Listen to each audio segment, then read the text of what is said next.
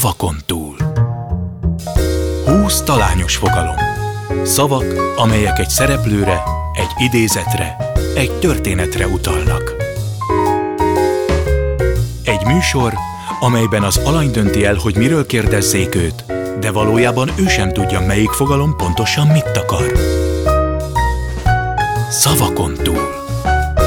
Kadarkai Endre műsora. Köszöntöm Önöket, Kadarkai Endre vagyok. Ismét új részekkel itt a szavakon túl. Mai vendégem Liptai Klaudia, színésznő, műsorvezető, cukrász. Színészi pályafutását a Víg Színházban kezdte, miután a kereskedelmi televíziózás felfedezte magának nem volt megállás. Cheese, Claudia Show, Big Brother, Mokka, Megastar, Starban Star, hogy csak a legismertebb produkciókat említsem, amely a nevéhez köthető. A hazai szórakoztatóipar egyik legfoglalkoztatottabb sztárja. Párja Pataki Ádám cukrász, ő következik. Ahogy azt már megszokhatták, aktuális vendégemnek mindig átjutok egy papírt, ezen fogalmak szerepelnek valamennyi az ő életének egy korábbi aspektusára, fontos személyére, idézetére utal, reményem szerint nagyon talányos megfogalmazásban, és mindig aktuális alanyon választja ki az adott témákat, úgyhogy nem is feltétlen tudhatja azt, hogy pontosan miről fogunk beszélni. Azok kedvéért, akik nem látnak bennünket, csak hallgatnak a rádióba, felolvasnám, hogy Liptai Klaudia mely kifejezések közül választhat. El a kezekkel, kevésből, szent a béke? Kör közepén? Betelt a pohár? Pótcselekvés, fogadjatok be, ellenállás, nagy számok törvénye, egyenlően, nagy levegő, injekció, soron kívül, bajjal jár. Ha volna lehetőségem, ki tudja, keveseknek válvetve. Egy modern költészetnek egy ilyen kis szösszenet. Egy dadaista vers. Igen, eléggé. Tehát, hát egy őszinte leszek, tehát ha most egy pisztolyt tartasz a fejemhez, se tudnám. De ez tök jó. Hát annyira imádom a váratlan dolgokat, annyira unalmas az élet, bocsánat, hogy ilyet mondok, természetesen nem unalmas, de alapvetően nagyon ritkán lepnek meg, úgyhogy már megleptél. Na, ennek örülök. Melyik Na. legyen? Válasz egyet, kérlek. Hát a leginkább, ami nem értek, az az injekció ugye a te menedzsered Kendehoffer Krisztina, Igen. és egyszer azt nyilatkoztad róla, hogy addig, amíg ő nem kezdett benned hinni, addig te nem bíztál magadba. Neked nem volt önbizalmad? Mm, azóta sincs. Azóta sincs? Nincs, nincs. Tehát, hogy szerintem ezzel vagy születsz, vagy nem. Ezt vagy valahogy megkapod, ezt a kiváltságot, vagy nem. Nagyon nehéz szerezni önbizalmat. De én úgy gondolom, hogy ez egy hajtóerő is az életben. E, mind, mind, amit elvesz valahonnan, valami az ott valahol máshol egy másik fiókban betolódik. Nem úgy történik mindez, hogy az ember elkezd aztán visszacsatolások után hajtani? Tehát így próbálja meg megépíteni az önbizalmát, különösen fiatalon, csak szerintem ez egy ördögi kör. Biztos, hogy egy, ez, ha nem is egy injekció, hanem inkább egy addikció, tehát akkor inkább így mondanám, mert, mert, mert egyértelműen azon mérem le a sikert, hogy mennyire kellek. És ez soha nem változik. Ez egyébként a magánéletemben, a munkámban, ez, ez egyébként egy nagyon rossz mértékegység. Ezt akartam kérdezni. Hát ez, ez nagyon félre tudja vinni. Hát persze, hát persze, mert, mert nem a valóságot tükrözi mindig, de azért ha, ne hazudjuk azt, hogy valójában azért a mai életben azért ez egy árértékarány, hogyha ö, van mit csinálnod, akkor hasznos vagy. Ha nincs mit, akkor nem vagy. De hogy mit, mitől vagy hasznos, vagy mennyire magadnak keresed meg azt, hogy mitől leszel hasznos, hát na, hát ez az, ami már egy kicsit olyan szofisztikált, de, de, de azért ez nagyon sokat segített, hogy a Kriszta az életembe bejött, és egy picit le is zárt, tehát az ösztönösségemet hátradobtuk, és sokkal inkább a tudatosságom lépett előtérbe. Milyen helyzetben nincs neked önbizalmad? Nagyjából mindig olyan vagyok, mint aki újra tanul beszélni, járni. Tehát mint a, van az az 50 első randi, vagy melyik az, amikor mindig újra... Nagyon jó film, Drew Barrymore és Igen, Adam Sandler. tehát Igen. hogy mindig újra, újra kezdődik minden. Tehát nekem bármit értem el az életemben, addig a pontig tart, amíg véget nem ér.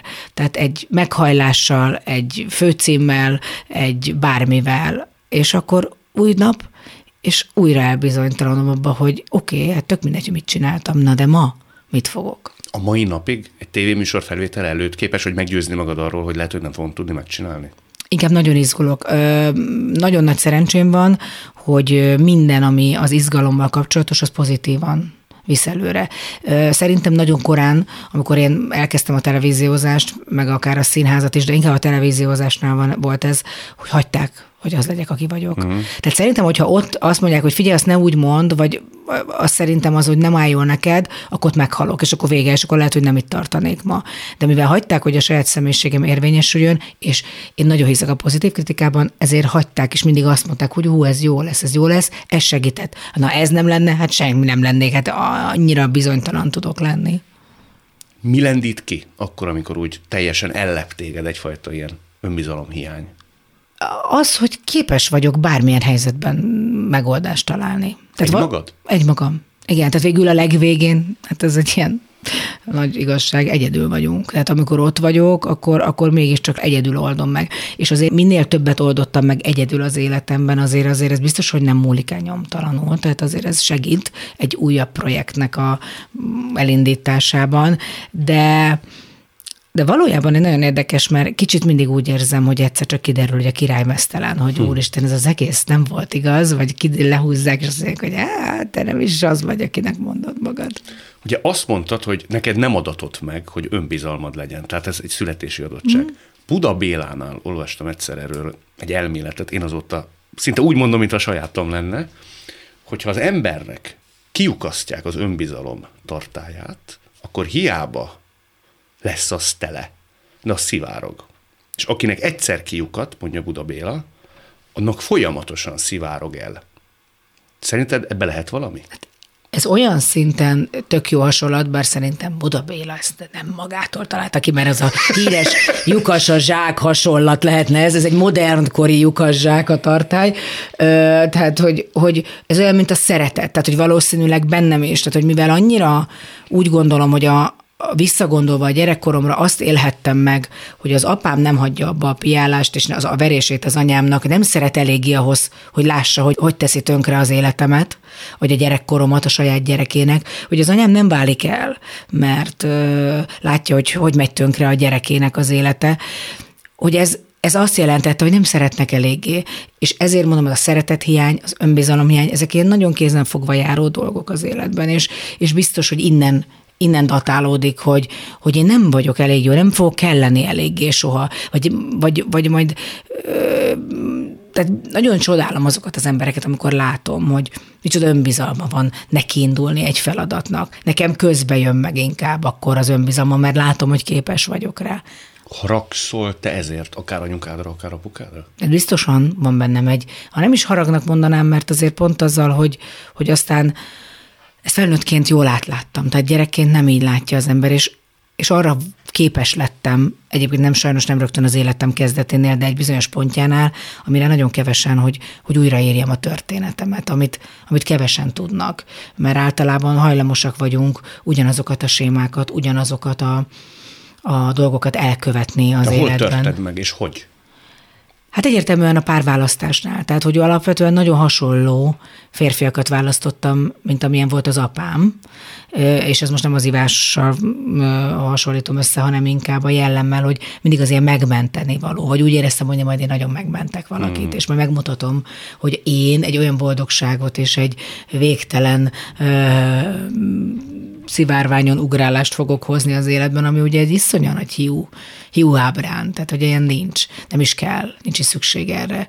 És a szolgalelkűség, ami bennem van egy kapcsolatban, vagy volt, az, az, nagyon, az az én saját romlásomba vezetett. És akkor végül is azt gondolom, hogy amikor amikor a férjemmel való találkozásom, a, a második férjemmel a találkozásom megtörtént, akkor az, az, az egy döntés is volt, tehát egy szerelem, de mégiscsak nem a löttyös elmebaj, hanem, hanem tudtam, hogy egy olyan férfit akarok választani, akire büszke vagyok, akinél, hogyha megcsörren a kulcs a zárban, akkor nem riadok meg. Mert hogy korábban megriadt. Igen, hogy vajon milyen kedve jön valaki haza. De többször volt erre precedens, hogy ez a gyerekkorodból fakad? Nem, többször. A gyerekkoromból indul, mert akkor jött az első zárt csörgéses kulcsos sztori, hogy úristen az apám ma hogy jön haza, és aztán sajnos ö, így választottam pasikat. De ezek az én hibáim, ez nem az ő hibájuk volt, ez egyértelműen az én rossz választásom, meg az, hogy valószínűleg én egy olyan erőteljes nő személyiség vagyok, hogy, hogy képes is voltam választani. Tehát nekik esélyük se volt, hogy nemet mondjanak. Én választottam rosszul. Volt, akit sikerült megmenteni? Na. Ezek ilyen szélmalomharcok, ugye? Persze, nincs is ilyen szerintem. Nem is kell, nincs szüksége az embereknek a megmentésre. Ez egy, ez, ez egy illúzió, nincs ilyen. Tehát, hogy, ezek, hogy, hogy, hogy erre mindig úgy rájövünk, nem tudom, neked volt-e ilyen az életedben, de hogy bár valószínűleg a férfiak kevésbé ilyenek, hogy egy nő átformálja a saját képére a férfit. Tehát azt hiszi, hogy neki jobb lesz, ha ilyen ruhába jár, vagy ha így öltözik, vagy ha ezt csinálja, vagy ha azt. És aztán, amikor szétválnak az útjaik, a férfi menekül vissza ahhoz az előző enyémhez, az ő. És ez csak egy szerep volt, amit jó szándékból akartak ráerőltetni, de, de nincs szükség erre, nincs szükség a megmentésre. És ha jól sejtem, egy kicsit férjed kapcsán racionális döntést is hoztál, ha jól értem. Igen, de azért nem szeretném, hogy az terüljön ki belőle, hogy én nem... Kockás papíron számoltad I- ki igen, de a előnyeket. képletet jó lesz, igen, op, akkor ezt ugye. De nagyon fontos volt az, hogy ő neki egy nagyon komoly entitása volt, tehát már akkor. De azért azért a, a legtöbb pasi az életemben, vagy és nem bántva őket, vagy a hátamon akart felmászni, mondjuk egyébként ebből kevesebb volt, vagy agyon nyomtam őket. Annélkül, hogy akartam volna, valószínűleg ők mind úgy érezték, hogy nem akarnak a liptai mellett a szóda lenni a kísérő, hmm. hanem, hanem ők azok, ők azok, tehát én mindig úgy ke- viselkedtem a férfiakkal, soha nem az volt, hogy nem már pedig apukám, te ott jössz hozzá a ritikülömet, aztán majd ez lesz, az lesz, hanem így, így, így, ők maguk tették magukat ebbe a szerepbe. Aztán az tök jó, amikor rájössz, hogy, hogy jó, azt hagyjuk, az nem működött, és szerintem rohadt nehéz változtatni. Tehát nagyon nehéz átülni egy másik autóba, amikor ez egyébként nem tűnik annyira kényelmetlennek. Hát messzire kalandoztunk, több témát érintettünk, Hát de én élveztem nagyon. Választunk egy másikat, lehet, hogy lesz olyan, amiben van átfedés. Hát biztos te ilyet szeretnél, hogy bajjal jár, de mi a probléma, nem tudom. A bajjal jár, az a te éles nyelvedre utal, mert figyelve a te pályafutásod, azon gondolkodtam, hogy ez szerinted neked előny, vagy hátrány, úgy általában az életben. Nagyon sokáig, tehát egyrészt, hogy egy különlegesség. Az éles nyelvemben alatt mit gondol, mit értesz, hogy másoknak a... Csípős. Csípős? Szerintem az voltál régebben, és ahogy így végignézem a, a pályád alakulását, szerintem ez tompult. Amitől effektíve unalmasabbá is válhat az ember, de nem inkább, hogy úgy mondjam, hogy hogy igen, volt bennem, és ez is biztos, hogy megint ez az egész gyerekkori nyomorból adódik, hogy nem, ugye csúnya voltam, kövér voltam, tényleg nagyon sok minden, most ez nem egy ilyen, jaj, ilyen kis mókuskát sajnáljuk, de tényleg, tehát ugye én voltam az utolsó, akit az osztályban mindig egy ilyen névsorban beírtak, hogy na, ő is tetszene. Tehát ugye, és akkor voltak ilyen gazdagon ilyen névsorok, amikor én voltam kislány. Hú, az nagyon tud fájni. Egy Igen, tehát voltak, hogy jaj, fiúk, akkor kitetszik az osztályba. És akkor egyszer valamiért szerencsétlen Varga Zoli odaírt harmadiknak, és onnantól kezdve nem volt menekvés Varga Zolinak, mert ahol Mentél tudtam, utána. ahol tudtam, elkaptam az összes uh, ilyen lassú, lassúzós buliban, és modern talking jomár jomaszorra muszáj volt táncolnia. Uh, ma már persze máshogy látja ezt, akkor nem, már nem így gondolja, de de hogy, hogy, hogy, hogy az biztos, hogy kellett, hogy úgy mondjam, hozzáolvasnom ahhoz, hogy engem elfogadjanak. Tehát oké, okay, és ezt most ezt tudjuk, hogy egy, a szépség belépő, akárki akármit mond. Vagy nagyon-nagyon-nagyon, az főleg a nagyon intellektuális bölcsészek, azok elítélik azt a részt, hogy valaki szép, az fúj-fúj-fúj, mert az csak ostoba lehet. Mm. És, de alapvetően tényleg van benne valami ebbe a sztereotípiában, hogy igenis azt gondolom, hogy a szépség az egy első kapu, és könnyebben átengedik a kapuőrök azt, aki mondjuk szép. Én nem voltam, tehát nekem kellett valami plusz, és ezáltal a humorom és az egész nyelvezetem valószínűleg egy kicsit szélsőségesebb lett. Ez járt áldozatokkal? Tehát, hogy megsértődtek emberek, ő alatt ütöttél, gyorsan egy jó megjegyzésért eladtad mondjuk az adott pillanatot? Biztos, hogy volt ilyen, de én nagyon nem tehát nagyon gyűlölök, és a mai napig egyébként ezt mindig is utáltam megbántani mást. Tehát azt kimondtam, tehát sokkal régebben, sokkal hamarabb kimondtam bármit, és éreztem, hogy ezt nem kellett volna. De akkor már nagyon nehéz visszaszívni, szóval azért a kimondott szónak tényleg ereje van. Biztos, hogy volt olyan, és biztos, hogy volt olyan, hogy ilyen előre menekülés volt ez, hogy egy előbb szóljak be, mielőtt még beszólnak. Tehát én például mindig előbb dobtam ki a fiúkat, nagyon rövid kapcsolataim voltak, mert féltem, hogy kiraknak. Hmm. Tehát ugyanez volt a nyelvezetem is, hogy előbb szóljak egy olyat, mert attól érdekesebb leszek, mert akkor már nem tud egy olyat mondani. És te attól féltél, hogy esetleg te leszel kevés, a másik szemében, ezért erőle menekültél, és megszabadultál a fiútól, így egy kudarc élménytől ö, óvtad meg magad. Pontosan, tehát hogy nehogy újra ne kelljek valahol. És egyébként mondom, ez a nyelvezet is ez volt szerintem, hogy, hogy, hogy olyan jó pofa, meg azért ugye tényleg társul ezzel egyfajta humor, ami, ami tetszhet, de én azt sose szerettem, és vannak ilyen ismerőseim, kollégáim, akiknek örömet okoz mások kon, ahogy mondott, köszörülni a nyelvüket, és az nagyon rossz. Szerintem az nagyon, tehát hogy nagyon nagy különbség van. A magamat kigúnyolom, Igen. ha kell, tehát az önirónia, mert bennem az sokkal erősebb, mint az, hogy máson élcelődjek. Te mióta gondolsz magadra úgy, mint jó nő? Hát mindig csak utólag a bejátszásokból. Igen. De ez egyértelmű. Tehát ez tipikusan az úristen, úristen, hát így néztem ki. Hát ez egy, ez, ez, ez, ez megint egy következő életnek a leckéje, nem ebbe, nem ebbe az életbe fog megoldódni. Van, tudod, biztos te is magadról tudod, vannak jobb napok, van, amikor fölkelek, és azt mondom, hm, de ez egész, hogy rendben van, és van olyan, hogy Istenem, tehát ehhez nincs az a mennyiségű ruha és mink, ami elég lesz, van ilyen. Szóval nagyon nehéz, és soha nem, nem, nem tudtam kiszállni ebből a testből, és egy picit úgy elengedni magam. Tehát én mindig egy ilyen kontroll hmm. mániás kis nő leszek. Szóval mindig szeretem tudni azt, hogy tehát itt van most is a piros lámpa a fejemben, hogy nem nézhetek úgy, ne csináljak így, mert akkor tokám lesz. Tehát, hogy ez egy, van. Persze elengedem magam, ha kell, de, de azért a legtöbbször a, a piros lámpa ott villog mindig érdekes kérdés, hogy akit így, azt lehet mondani, hogy az erős túlzás, hogy kiközösítettek, azt szerintem túlzás, azért ez nem volt jelen magam Nem, nem, teljesen, nem, nem közösítettek ki, de volt olyan, amikor levegőnek néztek, azt hiszem, hogy a világ legszemetebb dolga az, amikor kitalálják az osztálytársait, hogy ma nézzük öt levegőnek, és ne szóljunk hozzá. Egy napig úgy voltál benne, hogy senki nem Igen, szólt senki hozzá. nem szólt hozzám. És aztán nagyon rögtek, és mondták, ugye mi jó poén volt. És te hát, hogy reagáltál? A pokoliba, úgy zokogtam. Szörnyű volt. Szerintem az, az, az, az, az nagyon, én nagyon szeretnék mindig tartozni valahova. Én nem vagyok magánzó. Én, én, én sose leszek egy, egy remete lélek, aki így elvonul. Tehát én képtelen is vagyok. Szeretek egyedül lenni néha, de, de hamar megunom magamat, és akkor vágyom a társaságra. Ez itt továbbra is a szavakon túl Liptai Klaudiával. Az a típus voltál, aki elmondta valakinek, ha ilyen bánat éri, vagy magadba folytattad? Nem, én elmondom. Tehát én, én, én nagyon hamar is felbefögöm a dolgokat, szóval az az igazság, hogy, hogy ugye néha túlságosan elébe is megyek a helyet, hogy megvárnám, hogy hova alakul egy probléma, vagy hova alakul egy helyzet.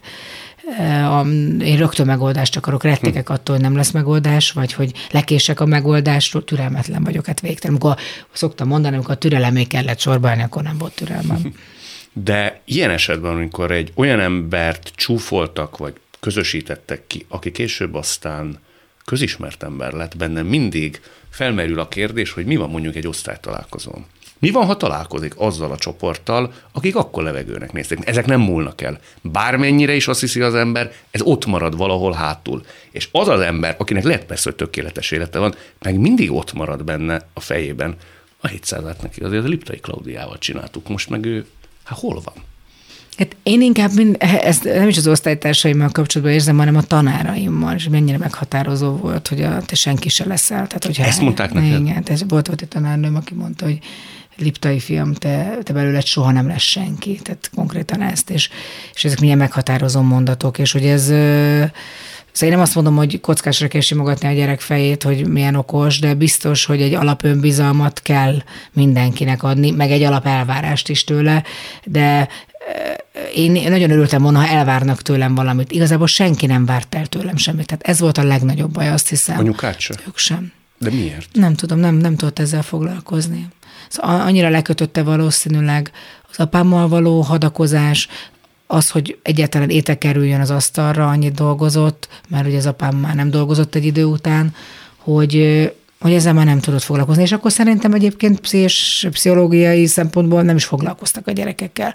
Tehát a 80-as években hát telibe tolták, hogy a gyerekkel mi történik. Egyen, igyon, iskolába járjon, jó edzés is van, jó, menjen, jöjjön haza, nyolckor alvás.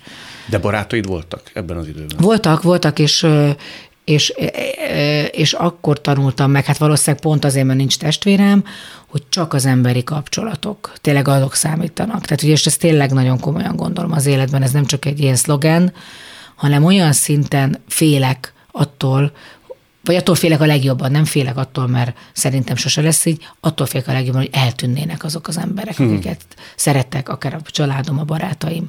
Minden újra vásárolható, minden. Az egészség és a emberek nem. Úgyhogy ezért, vagy újra kezdhető, vagy bármi, szóval nincs olyan, ami nem megoldható. Ha már említetted azért a szüleid, az egyik téma ez volt, a szüleid házasságát, aztán annyit mondasz el belőle, amennyit akarsz, de arra te rájöttél ennyi idő után, hogy anyukád végső soron miért nem várt el apukától? Persze, én nagyon anti-ezó vagyok, tehát egy ilyen nem, nem, semmilyen spirituális vonal nem csapott meg, amit néha sajnálok, de nem. És anyu most nem is tudom, hogy a halála után mentem el. Igen, azt hiszem, a halála után mentem el egy ilyen családállításra. És az egy nagy flash volt. Na, abba se hittem persze először, na, most oda megyek, itt idegen emberek majd ott ö, ilyen körben ott kántálnak, és majd elmondják, hogy mi történt anyámmal, apámmal. És barom érdekes helyzet volt, mert tényleg egyszer csak ráláttam a szüleim életére. Tehát nem mint anyura, apura, hanem mint nőre, mint férfira. És egyszer csak megértettem, és az összes mondat, ami addig megtörtént gyerekkoromban összeállt, hogy az apám mindig féltékeny mondatokat, csak mondta magáit, csak mondta, hogy és ezzel is, és azzal is, és, és, és, és, és, az anyám meg csak hallgatott, hallgatott, tűrte, tűrte, tűrte, és ez csak összeállt, hogy az anyám nem szerelemből ment hozzá az apámhoz, aki hullaszerelmes volt az anyámba, az anyám csak egy bosszúból ment kvázi szinte hozzá, mert egy a nagy szerelme elhagyta őt, és elvette egy másik nőt, és valahogy az anyámnak egy örök lelkiismeret furdalása lett ez az egész, és ezért hagyta. Tehát mint, tehát mint egy áldozata szó szerint a verést, a, azt, hogy ezt mondják, neki soha nem csalta apámat, soha nem történt semmilyen, és az apám pedig valószínűleg nem tudta feldolgozni ezt, nem tudta elfogadni, és ahogy szép lassan rájött, hogy ez az egész egy kamu, ugye az egész ez róluk szólt. Tehát én ezt mindig úgy éreztem, hogy egy gyerek mindig úgy érzi, hogy én nem tettem meg eleget, vagy én nem vagyok elég jó, de ez ettől függetlenül ezt éreztem, tehát ezt nem tudtam felnőttként már visszafelé feldolgozni. Igen, csak utólagosan gondolhatja úgy az ember, hogy azért anyukát sok mindentől megkímélt volna téged, ha, ti, ha ők elválnak. Azért ti ki voltál téve ö, egy-két rossz emléknek, most, hogy így utánad néztem, így elolvastam a veled készült interjúkat. Igen, csak mondom, abban a korban az anyám azt mondta, hogy amikor utólag így ugye eszembe álltottam, az, de miért nem váltál el? Mert azt mondtad, kislányom, hogy ciki az hogy iskolába. Ezt én mondtam. És mondom, hogy tehát anyu, egy 7 éves gyerek, vagy egy 8. Hát kit érdekel, hogy ez mit mond? Hát de hát, szóval, hogy kicsit aztán azt éreztem, hogy én már akkor erősebb személyiség voltam, mint anyu. Vagy leuraltam, vagy azt hitte, hogy, vagy, vagy könnyebb volt erre azt mondani, hogy jó, hát ha azt mondja a gyerek, hogy ciki, akkor hagyjuk. Mert neki is ciki lett volna szerintem. Tehát vagy, vagy, vagy nem akart belemenni ebbe az egészbe, vagy úgy érezte, hogy nem szabadul meg soha apámtól, és egyébként az apám, az anyu a haláláig apámhoz járt, segítette, eltartottak kvázi. Úgy, hogy elváltak 16 éves korban. Elváltak, igen, elváltak, de mindegy, mert a na, élete végéig nem, nem, ezt nem múlt el benne ez a lelkiismeret fordulás, hogy végül is úgy érezte, hogy ő rontotta a apám életét, miközben én mindig mondtam neki, hogy tudod, anyu, mivel rontottad el? Hogy nem engedted el a kezét soha. Mert lehetett volna még ő is talán boldog, meg ugye te, ő újra anyu, hála Isten boldog volt, tehát volt az életének tök sok olyan időszak, amikor utána boldog volt, de hogy az apám soha nem tudott elszakadni tőled, nem is akart. Ő bocsánatot kért tőletek valaha soha. is? Ez a legnagyobb, ez, ez volt talán a legnagyobb fájdalmam, és nem az, hogy most maga a szó, hanem hogy valahogy soha nem, mond, nem éreztem azt, hogy, tehát szégyeli magát, de hogy hú, erről ne beszéljünk. És ez sajnos sok szempontból azért is haragudtam mert örököltem ezt, hogy én is sokszor ilyen... Hú, Szőnyeg alá Igen, hogy jaj, nem, ez annyira cikére, hallani is akarok, jaj, ne, ne, inkább ne beszéljünk róla, becsukom a szemem, és akkor nem történik meg. Valószínű ő is szégyelte utólagosan, és egyszerűbb úgy tenni, önmagunk előtt is, hogy ez nem történt meg, addig se kell vele szembesülni. Nem biztos. Te úgy tudom, hogy anyukát halála után szintén gondoskodtál róla, ugye? Tehát te nem engedted el a kezét. Nem, még négy évig élt apu, és hát abszolút őszinte leszek, ez egy nagyon nehéz, vagy nagyon nehezen elhihető dolog, mert ugye sokszor azt mondják, hogy még a legrosszabb szülőhöz is ragaszkodsz. Tehát én segítettem apámat, de semmit nem éreztem. Semmit. Tehát, hogy, hogy, hogy sírtam, amikor meghalt, de azért sírtam, mert arra az apura emlékeztem, aki egyébként még volt nagyon jó fej gyerekkoromban néha. Vagy aki nagyon vicces volt, aki nagyon szerette a második világháborús történelmet, ezért az egész második világháborút betéve tudom, aki igazából aki játszott velem, mert anyám sose játszott velem, neki nem volt erre ideje, meg ő nem is volt egy ilyen játszós. Tehát én azt a, azt a pár évet sirattam. És utána Szóval valójában egy, egy, egy, egy, egy, egy dinnye volt apu feje helyén már szerintem az italtól. És tök fura, tehát milyen az élet, ahogy elléptünk otthonról, apám letette az italt, és soha többé nem ivott. Tehát Any... mi voltunk végül is szerintem a, hm. rossz, a rosszak az életében, csak ő ezt nem tudta, hogy ezt, ha ezt lezárná, vagy szét, szétválasztaná, akkor, akkor neki is jobb lenne. Ő kifejezte aztán később a maga módján a figyelmét, szeretetét te feléd, hogy büszke rád, Szerintem én nem is hagytam. Nem hagytam ennek teret. Ő meg annyira büszke ember volt, most már így visszagondolva, képtelen volt kilépni a saját komfortzónájából, abból a kis világból. De mondom, szerintem ő már tényleg uh, egyszerűen az alkoholizmusnak egy olyan fokára ért el, amikor már letette, amikor már nem volt visszaút egy csomó mindenből, ami az agyát érintette akár. Nem tehát mindig diácskám voltam neki, és, és, és nagyon szerette a pankát, tehát, hogy így, amikor oda vittem, akkor nagyon-nagyon nagy szeretettel volt felé. De valahogy olyan volt, mint egy idegen bácsi. Hm. Pankának is gondolom. Igen, még sokáig emlékezett rá, de nem úgy hívta, hogy a nagypapa, hanem Tádé papának hívta, mert így hívtuk a vizslát, amit kapott tőlem, mert allergiás lettem a vizsgalaszőre, és akkor megkapta a kutyát, és Tádé papának hívtam. Hm. Mit tanácsolsz azoknak, akik valami hasonló mennek keresztül, nem kérnek segítséget, nem tudom, te kértél nem kell róla beszélni, ha kértél, nem mindenki akar erről beszélni, de hogy hogy lehet ezeket letenni? Hogy tudja elhelyezni az ember ezeket a lelkébe? Ezek nem egyszerű dolgok. Van, akit tényleg időskoráig kísért, és nem tudja megtörni azt a bizonyos mintázatot. Hát de tényleg elhatározás. Egyébként én nagyon hiszek a segítségbe. Tehát kinek mit a segítség? Tehát kinek a hit, kinek egy pszichológus, kinek bármi, ami, ami segít, de ami valóban segít, én abszolút kértem. Tehát én nagyon vágyom is a segítségre. Tehát én mindig is olyan voltam, hogy nem az volt, hogy nehéz kihúzni belőlem, hanem hanem hogy nagyon is akarok jobban lenni. Tehát szakemberhez fordult? Abszolút, bár inkább ez egy tök érdekes, mert a, a mai napig a pszichológusommal, akivel sokat találkozunk, mindig azt mondja, hogy csak akkor jövök, amikor akut baj van, tehát amikor tényleg nagy baj van. Tehát amikor lehetne haladni, akkor én is eltűnök mint az aranyóra, hogy most már majd én ezt megoldom, nincs ezzel gond. Igen, azt szokták mondani szakemberek, ez a legnagyobb baj. Tehát folyamatosan kell járni, és akkor nincs akut baj. Igen, igen, csak hát ez...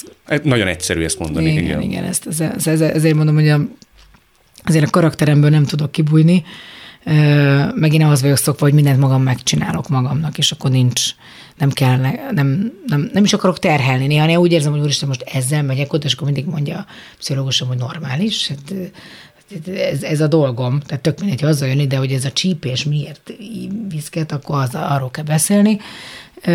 De én tényleg csak azt tudom ajánlani mindenkinek, hogy muszáj szembenézni. Tehát a legfontosabb az ön ismeretnek a, az elkezdése. Tehát nem mindig valami mással foglalkozzunk, ami eltereli arról a pillanatot. A legnehezebb pillanat, vagy legnehezebb, talán nem is vagyunk képesek önmagunkra. De szerintem az, hogy, hogy ezt valahogy így lehet csak orvosolni. Én nem tudok elképzelni más megoldást. Egyetértek. Milyen? Én, nekem nem voltak rossz döntéseim. És ez most nem magamat mentem föl bármilyenről, hanem minden döntésemnek éltem a következményével, hogy az nehezebb út volt-e, vagy lehetett volna egy jobb, vagy és nem az, hogy rosszul döntöttem, mert biztos, hogy van ilyen, és tudok olyat is mondani, de inkább az, hogy oké, okay, most már ezt döntöttem, akkor ez szerint kell léteznem.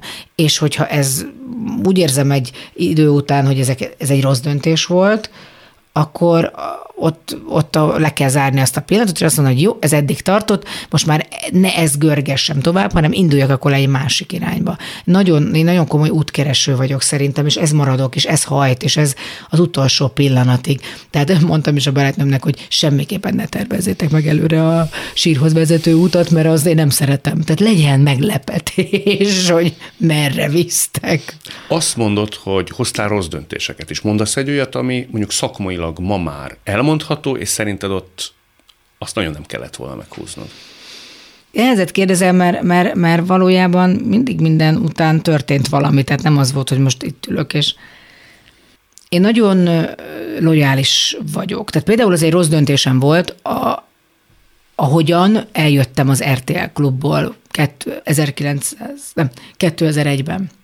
Ugye három évig voltam, akkor az volt az első kereskedelmi tévé, ahol dolgoztam, és ott Federikus Sándor hívott fel egy délutáni napon, és mondta, hogy akkor itt lenne egy, egy kis munka a másik tévénél, egy nagy szerződés, egy olyan összeget mondott, amitől leültem, és, és én akkor, mint egy ilyen, hát egy ilyen nagyon azt nagyon-nagyon-nagyon szégyellem, hogy én úgy jöttem el, hogy kiszaladtam szinte. Uh-huh. Csapott papot ott hagyva, és majd intézzel valaki ezt az egészet, és majd én már itt se vagyok, majd, majd, a, majd az ügyvédek játszák le. Megszédültél a lehetőségtől?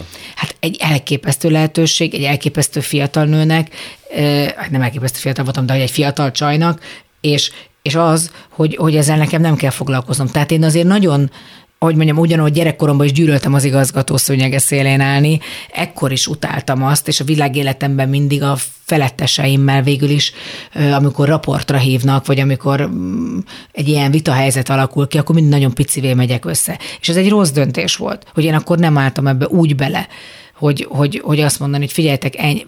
valamennyire beleálltam, de aztán aztán elkenődött ez az egész, és aztán ezzel hosszú évekig én nagyon rossz viszonyt is feltételezett utána, vagy ápoltam utána az RTL vezetőivel, és milyen fura az élethelyzet, és aztán mindenki beámulnak ezek a, ezek a fájdalmak, és aztán utána megint újra mondjuk többet dolgozom az RTL-nek. Ki tette meg az első lépést? Ez is a Krista, ugye, hát azért ez, ez a Kendall Krista, azért menedzserem, aki ez egy nagyon fontos szerepet tölt be az életembe, amellett, hogy tényleg nagyon nagy barátság, és egy nagyon komoly, és egy ilyen dacvét szövetség van köztünk, hogy alakult ki az évek alatt közöttünk, hogy sokkal könnyebb más nevében. Tehát szóval, azért fontos például a menedzsment, és azért fontos szerintem, ezért alakult ki, mert én nem tudok a saját portékámnak a, a jó árusa lenni. Tehát én nem mondhatom azt magamról, hogy na gyerekek, hát én azért ennyit érek. Biztos van ilyen, aki ezt tudja, hát én nem az vagyok. És ő tárgyalja le ezeket és is. Ő, tehát ő teszi meg, ő nagyon jó diplomata, ő mm, ír egy SMS-t, ő hív fel egy telefonvás, vagy valami más kapcsán beszélnek, és ő említi meg, és akkor a másik is már, uh, tehát hogy érezhető egyébként, hogy az ilyen nagy halaknál mindig jobb neked lépni először, vagy persze van megkeresés is, de, de ez egy fontos harc, vagy fontos, nem tudom milyen farokhosszabbságú verseny, hogy, hogy kell, kell azt éreztetni, hogy mi szeretnénk oda tartozni, vagy mi szeretnénk ide, vagy mi nem szeretnénk, csak szeretnénk egy picit megjelenni. Uh-huh. Akkor ezeket ő szokta egy Ez ő, ez ő intéz minden ilyen. Na menjünk tovább, nézzünk egy következőt. Addig ki pipálgatom, mert itt most már hármat, négyet azért kilőttünk. Hát akkor pipált ki, hogy mi az, amit nem mondjak. Bármit mondhatsz Jó. ezek, bármit. Egyenlően. Egyenlően egy picit érintettük.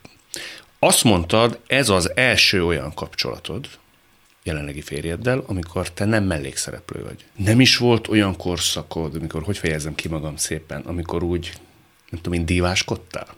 Amire úgy gondolsz vissza, hogy na ott kicsit lehet, hogy az elszaladt velem alul, hogy kicsit úgy elhittem, hogy én nagy királylány vagyok. Biztos, hogy rengetegen gondolják ezt, és biztos, hogy kívülről úgy is tűnt.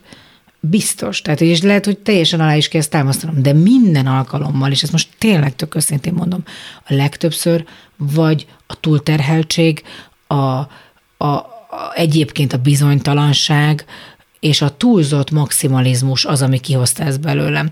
A Kriszta mondta nekem mindig, hogy az a baj, hogy amikor azt követeled, hogy legyen meleg víz abban a nyomorult csapban, amivel a hajadat mossák, akkor ezt hisztinek veszik, miközben az alap lenne, hogy legyen meleg víz, hogy ne hideggel mossák a hajadat. Ezt milyen hangnembe teszed? Na ez a, valószínűleg ez a probléma, hogy ez volt Tehát ma már ez, ez, ez nagyon kedvesen mondta az elején, hogy sokkal szordinobb vagyok, mint valaha voltam. Tehát biztos, hogy, hogy ez a hirtelen haragosságom, ez a kicsit ez a hisztérikusságom, ami van, tehát ma is ez az idegrendszeri gyengeségem, én ezt tökre elismerem, hogy a mai napig, de valószínűleg ez kell ez a szakmához, hogy, hogy, hogy, hogy az, az tűnt olyan divásnak. De tessék, itt van a J-Lo, akit egyébként én nem kedvelek annyira, nem vagyok odaérte, mindenki, hogy oda van, hát jó, parom, jó teste van, meg minden 180 évesen, de akkor is, de hogy, hogy nekem például ez az erőszak, az sose volt a kenyerem, hogy majd én jól megmondom, hogy ki mit csináljon, és akkor tartsanak tőlem, és féljenek tőlem. Én gyűlöltem, hogyha félnek tőlem,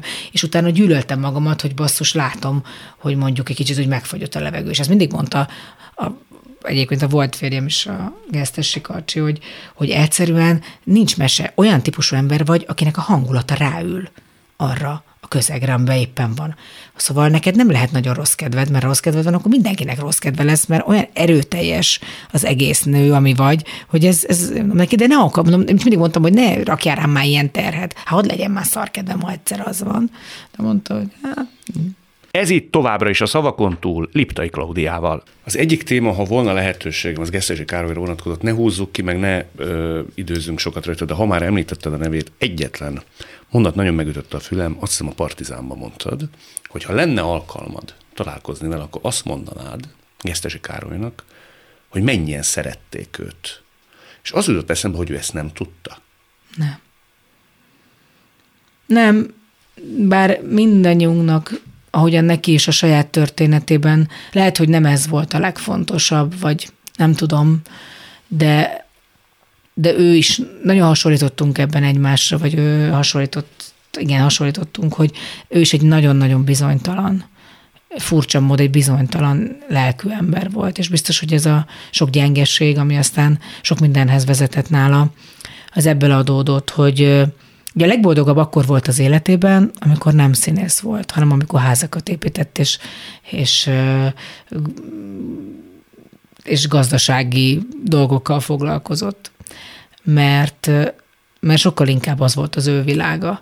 Tehát, tehát, nagyon, tehát én ezt egyébként nagyon sokszor látom a pályatársaimnál is, hogy a Jóisten ad egy nagyon komoly tehetséget ebben a szakmában, és aztán rájön, vagy tehát nem tudsz kiszabadulni ebből a nagy tehetségből, miközben sokkal boldogabb lennél, mint egy közérben pénztárosként, mert kevesebb lenne a felelősség, és ez a fajta nyomás, és ez a fajta stressz, és a karcsi teljes mértékben megfelelt ennek.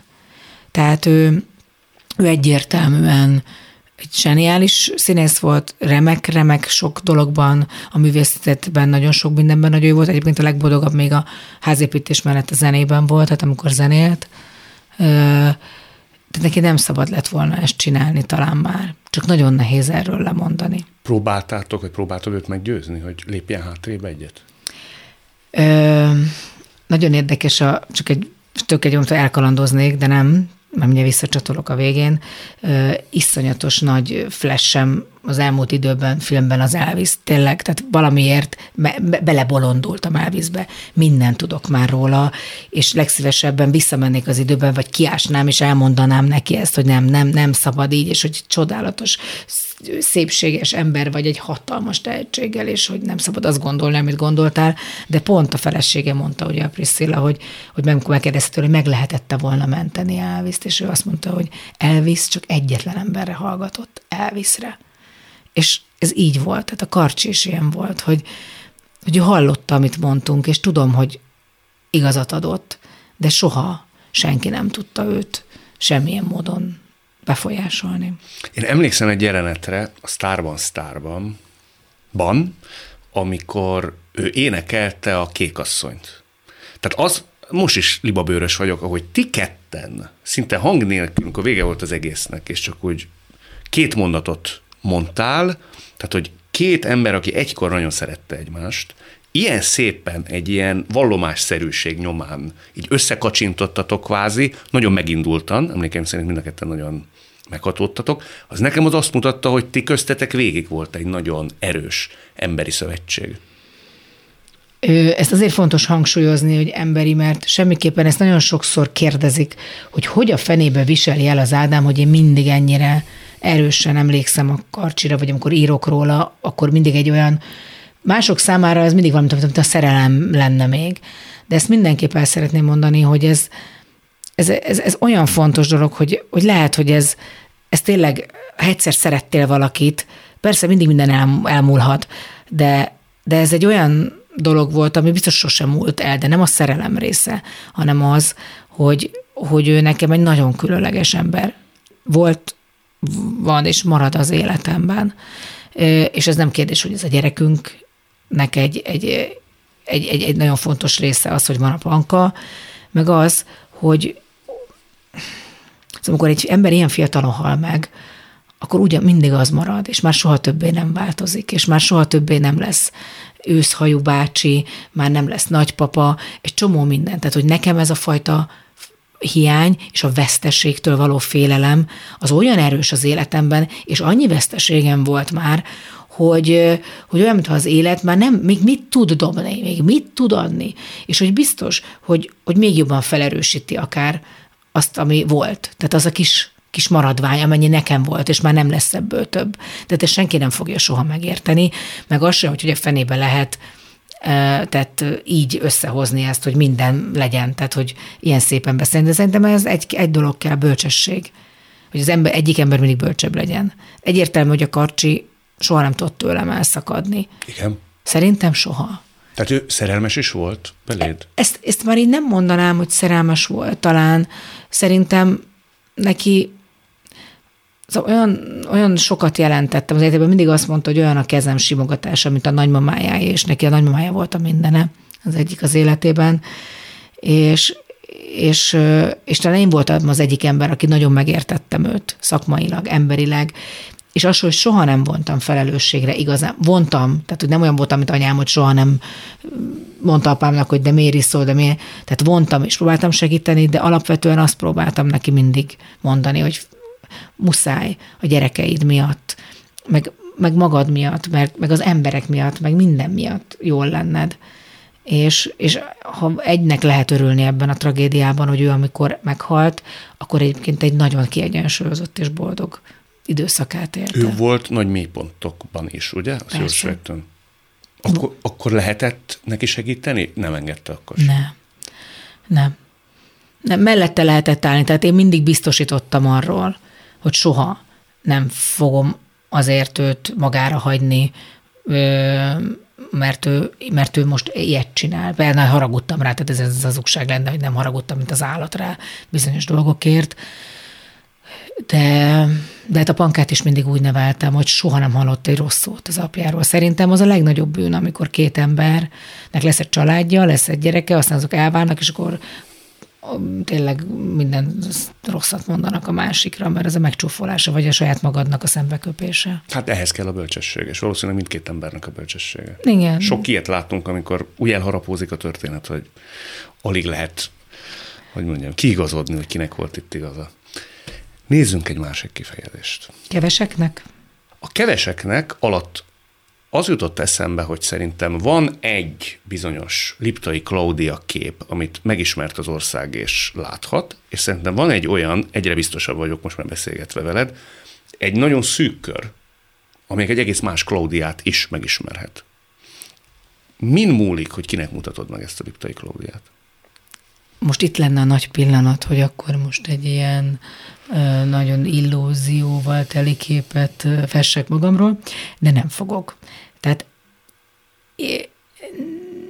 nem azt mondom, hogy bárki, aki szembe jön, annak megnyílok, de alapvetően bennem semmilyen olyan nincs, hogy, hogy én valamilyen tehát valamit elrejtek egy ládikóba, és akkor csak azt kaphatja én egy menhelyi kutya vagyok. Hm. Tehát én, aki szépen néz rám, arra én visszalihegek aranyosan. Szóval én, én, én, én, én azért, és nem, is, és nem is gondolom, mert nagyon sokan kérdezik, és hú, nem félsz attól, hogy majd ezt kihasználják. Soha életemben nem tartottam ettől.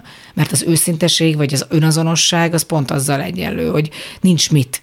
Tehát nem kapnak rajta majd, hogy ohó, de akkor azt mondtad, és most meg már tök más, hogy igen, és akkor mi van, akkor azt mondtam, most meg más, hogy.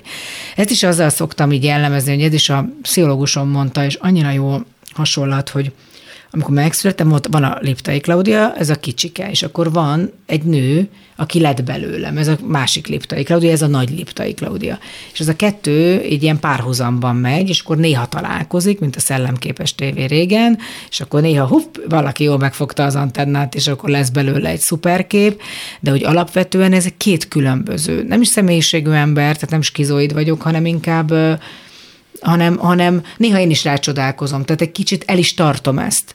Mert szerintem így lehet normálisnak maradni, hmm. hogy te az maradsz, aki voltál, nem hiszem el, hogy, hogy én, én csak a címlapokon szereplő nőcike vagyok. Azt még mindig ugyanúgy élvezed? Az előlevést, az exponáltságot, az ünnepeltséget? Igen. Sőt, az az igazság, hogy pont most jött el az időszak, amikor kicsit hiányzik is az a fajta nagy, tehát ez a tehát végül is szerettem azt a dívaságot, de nem így fogalmazom, mert utálom ezt a szót, ezt a divát, hanem olyan, úgy szerettem a, a lépcsőn, a nagy szép ruhába lejönni, és nagyon sajnálom, hogy a televíziók abba az irányba mentek el, meg a, hogy, hogy már nincs ez, vagy már mondjuk magyar tévében nincs. Tehát amikor belenézek egy BBC-be, vagy belenézek egy Rajunóba, akkor ott látom ezeket a nőket még mindig a szép ruhában, meg a nagy szép világítással. Mi meg egy kicsit olyan kis izék lettünk, olyan nagyon, trash lett a tévé sok szempontból, meg olyan kis small, small az egész. Számolsz is azzal, hogy az már nem jön vissza, ami mondjuk tíz évvel ezelőtt volt? Ez egy ez egy nehéz ügy, igen, igen, ez nehéz. Nehéz, szerintem most vagyok egyébként pont egy olyan korszakváltásban, ami, ami egy, ez, ez megkínál.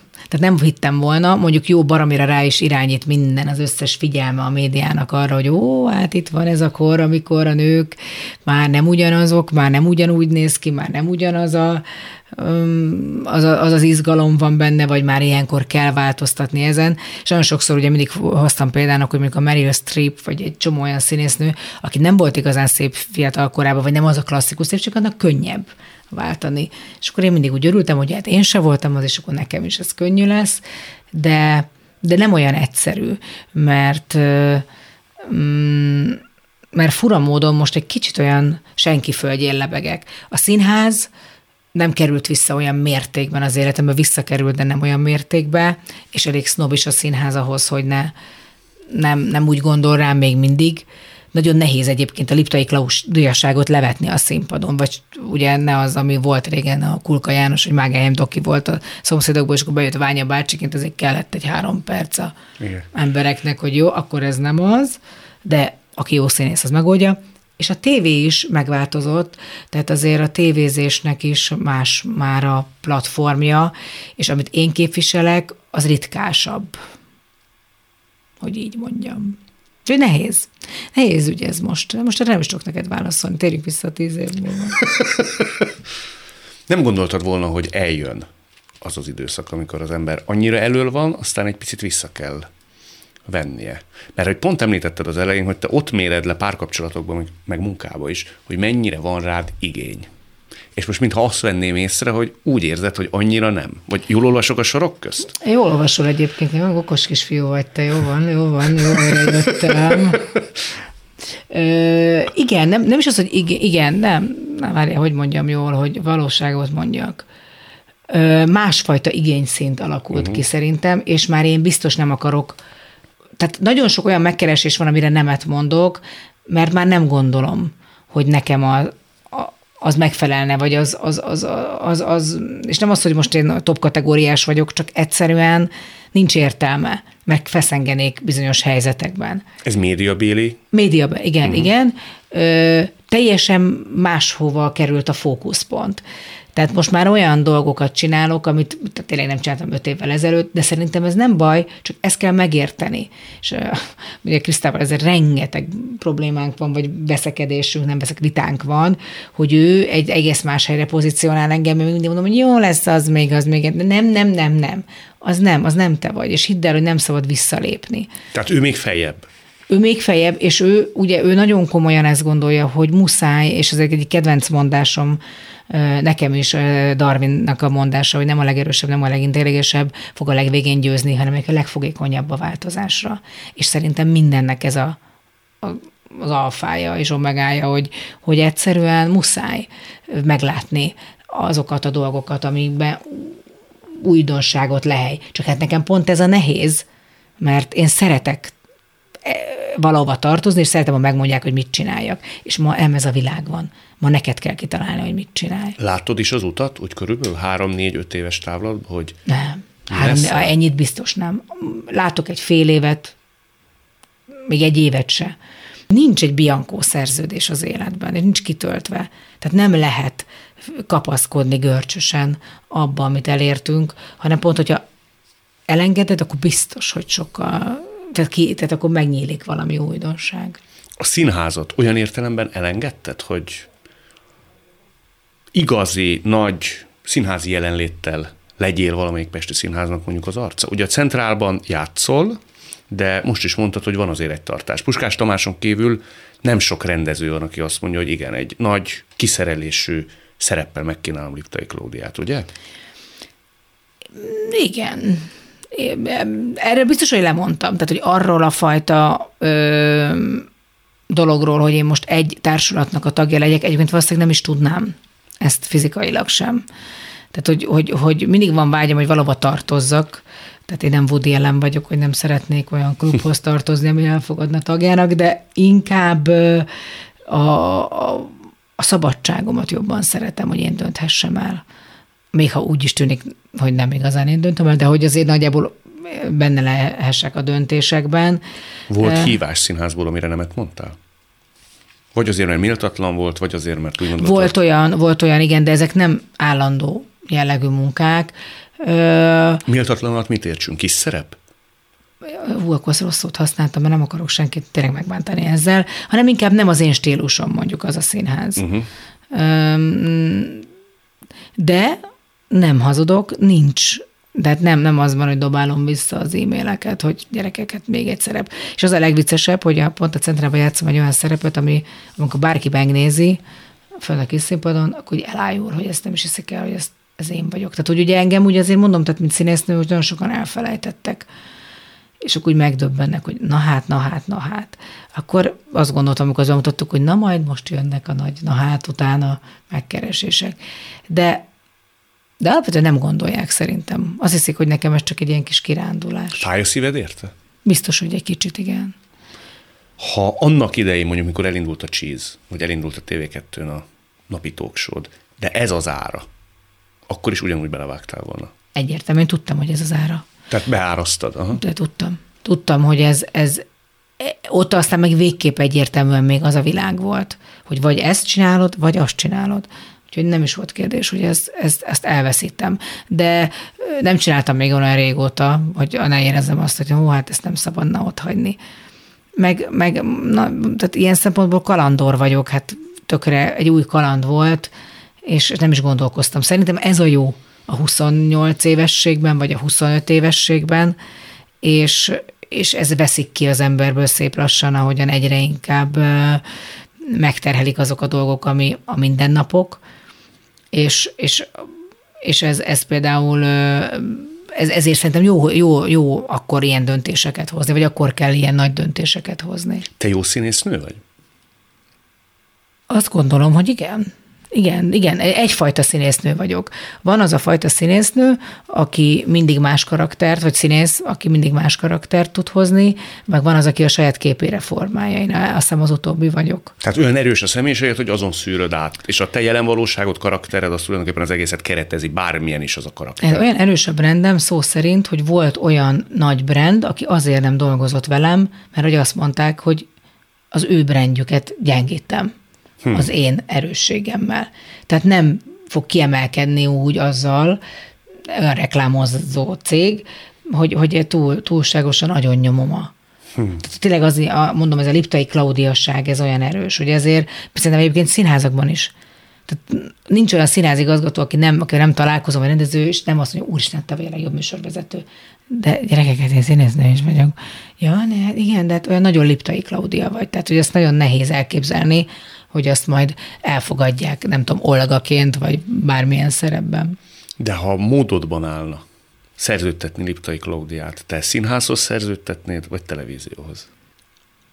módonban állna, akkor Liptai Klaudiát nagyon sok helyre szerződtetném, pont azért, mert a Klaudia nagyon szeret sok helyen dolgozni, és sok mindent csinálni. Nagyon köszönöm, hogy itt voltál, nagyon élveztem, régóta terveztem veled beszélgetni. Köszönöm. Én is köszönöm szépen. Ez volt a mai Szavakon túl Liptai Klaudiával. A műsort nem csak hallgathatják, de végig is nézhetik. Iménti beszélgetésünk hamarosan már látható lesz YouTube csatornámon is. A mai adás létrejöttében köszönöm Árva Brigitta és Rózsa Egyi Gábor segítségét. Találkozzunk jövő szombaton és vasárnap itt, a Klubrádióban. Viszont hallásra! Jövő héten ugyanebben az időben újra Szavakon túl.